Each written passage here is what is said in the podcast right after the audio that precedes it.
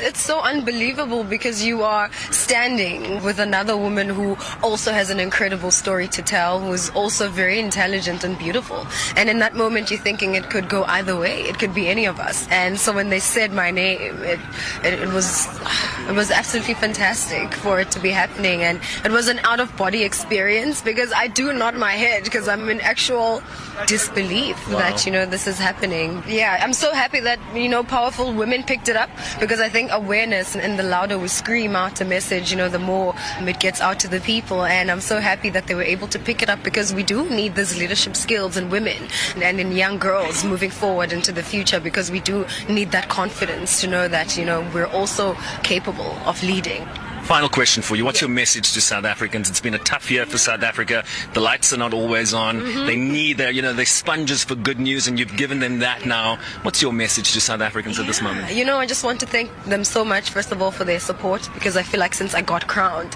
back home, I've had the most amazing support uh, I'd ever imagined I could have. You saw the people. video from Samizi, I right? Did. I, I saw it. Running around his living room. I saw it, and I just want to thank them all so much because I know this wasn't just for me; it's for everyone back at home who set up a 2 a.m. in the morning to watch because they know how much this means to us and not just to me. And so I just want to thank them so much.